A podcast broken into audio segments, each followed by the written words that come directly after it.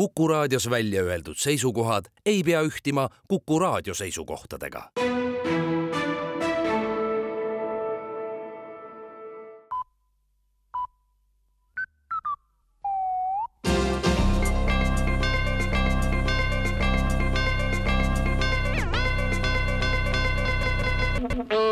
uudised on eetris ja stuudios Rohke Debelak valitsus annab teada, et arutatakse, kas nädalavahetusele sattunud riigipühale järgnev esimene tööpäev peaks olema vaba inimestele või mitte. praegu kalduvad arutlused pisut laiemale pildile ning valitsuse seisukoht on, et neid vabu päevi peaks olema kaks. lisaks, kui riigipüha langes laupäevasele päevale, siis on vaba laupäev, pühapäev ja esmaspäev ning kuna see väsitab inimese ära ja tervise korda sättimiseks on tarvis, et vaba oleks see kaks päeva. samas on igaks juhuks parem, kui vaba oleks juba kolm päeva, sest nii on kindlam. kuna nüüd aga on juba tegemist viie järjestikuse vaba päevaga ja kolmapäev on ka juba selja taga, siis tegelikult ei oleks mõtet nädalavahetusele sattunud riigipüha järgsel nädalal üldse tööle minna. see teeks aga juba üheksa järjestikust vaba päeva ja igaüks saab aru, et tegelikult alla kahe nädala pole juba mõtet kõiki arvutusi kokku lüües on mõttekas nädalavahetusele langenud riigipühal järgnev kuu vabaks võtta ja valitsus arvutab varsti ka välja, kui mitmel päeval aastas üldse peaks tulevikus tööd tegema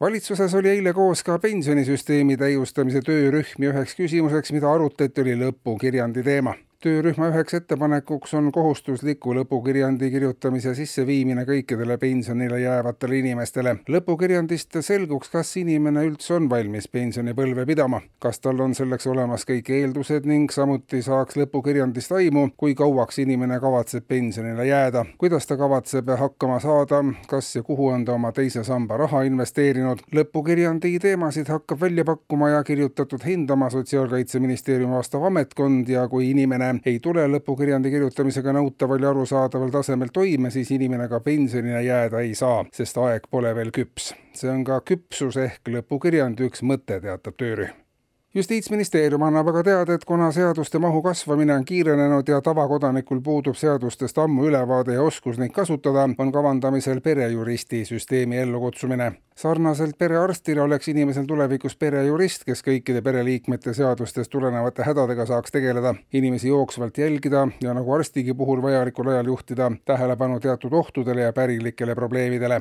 tulevikus saaks kohe, kui riik on mõne uue seaduse, määruse või regulatsiooni genereerinud, inimene asjakohast abi. hetkel Eestis kehtivate seaduste ja regulatsioonide hulka arvestades peaks iga inimene iga päev konsulteerima juristiga vähemalt neli tundi ja spordist. Starove Mestos lõppesid eile maailmameistrivõistlused raskesuusatamises, kus Eesti meeskond lõpuni vastu pidas ja tubli tulemuse tegi, ehkki seekord oli distants ka kogenud raskesuusatajatele üle jõu käiv. iga kolmesaja meetri järel tuli meeskonnal üksteise kukil suusad jalas puu otsa ronida kolmesaja kilone malm vann süles. naiste raskesuusatamise tingimustel me peatuma ei hakka, sest uudistesaate jälgijate hulgas on ka lapsi. mainime ainult, et vannis tuli olla ilma aga las ta olla, raskesuusatamise järgmine etapp on plaanis kohe, kui keegi peaks taastuma.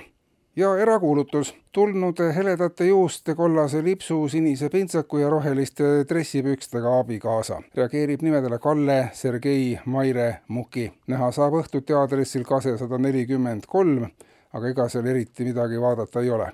eetris olid uudised